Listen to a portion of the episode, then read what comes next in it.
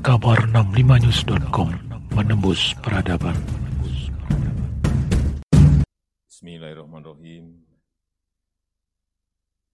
Assalamualaikum warahmatullahi wabarakatuh. Selamat pagi, salam sejahtera bagi kita semuanya. Om Swastiastu, Namo Buddhaya, salam kebajikan. Yang saya hormati Ketua MPR RI, yang saya hormati Ketua DPR RI, yang saya hormati Ketua DPD RI, yang saya hormati para Menteri Kabinet Indonesia Maju, yang saya hormati Yang Mulia para Duta Besar negara-negara sahabat,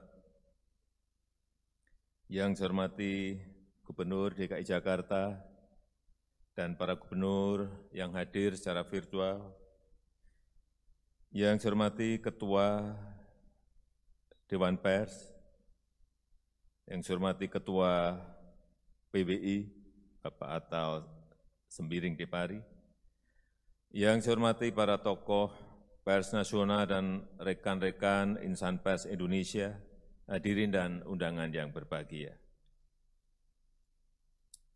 Pertama-tama saya ingin menyampaikan ucapan selamat Hari Pers kepada seluruh insan pers Indonesia di mana pun Bapak Ibu berada. Saya tahu di saat pandemi sekarang ini, rekan-rekan pers tetap bekerja dan berada di garis terdepan untuk mengabarkan setiap perkembangan situasi dan menjadi jembatan komunikasi antara pemerintah dan masyarakat, menjaga optimisme, serta menjaga harapan. Saya mengucapkan terima kasih yang sebesar-besarnya kepada seluruh insan pers karena membantu pemerintah untuk mengedukasi masyarakat agar menerapkan protokol kesehatan dan membantu masyarakat untuk mendapatkan informasi yang benar dan tepat. Bapak Ibu hadirin yang saya hormati, saya menyadari insan pers juga menghadapi masa-masa sulit di era pandemi COVID sekarang ini. Kita semua tahu permasalahan kesehatan dan ekonomi membebani semua negara, termasuk negara kita, Indonesia. Saya tahu industri pers, sebagaimana sektor swasta yang lain, sedang menghadapi juga masalah perusahaannya, masalah keuangannya yang juga tidak mudah. Seperti tadi disampaikan oleh Ketua PBI. Oleh karena itu, pemerintah berusaha untuk meringankan beban industri media. PPh 21 bagi awak media telah dimasukkan dalam daftar pajak yang ditanggung oleh pemerintah. Artinya pajak dibayar oleh pemerintah dan ini berlaku sampai Juni 2021. Tolong ini di, nanti diikuti dan dikawal dengan Menteri Keuangan. Juga untuk industri media dilakukan pengurangan PPh badan, kemudian pembebasan PPh 2 impor, dan percepatan restitusi dan insentif ini juga berlaku sampai Juni 2021 insentif yang diberikan ke industri lain, ini juga diberikan kepada industri media termasuk pembebasan abonemen listrik. Keringanan dan bantuan yang diberikan pada industri media dan awak media tersebut memang tidak seberapa. Saya tahu. Perlu saya sampaikan, beban fiskal pemerintah juga berada pada posisi yang sangat berat Selain berat untuk menangani permasalahan kesehatan, juga berat dalam menggerakkan perekonomian tatkala sektor swasta mengalami perlambatan yang signifikan. Salah satu belanja besar yang dibelanjakan pemerintah adalah vaksin untuk vaksinasi. Dan saat ini pemerintah sedang bekerja keras untuk memperoleh vaksin melalui vaksinasi. Saya yakin banyak awak media yang sudah ingin divaksin. Tadi saya sudah bisik-bisik ke Prof. Nuh, untuk awal nanti di akhir bulan Februari sampai awal Maret nanti untuk awak media sudah kita siapkan kira-kira 5.000 orang untuk bisa divaksin.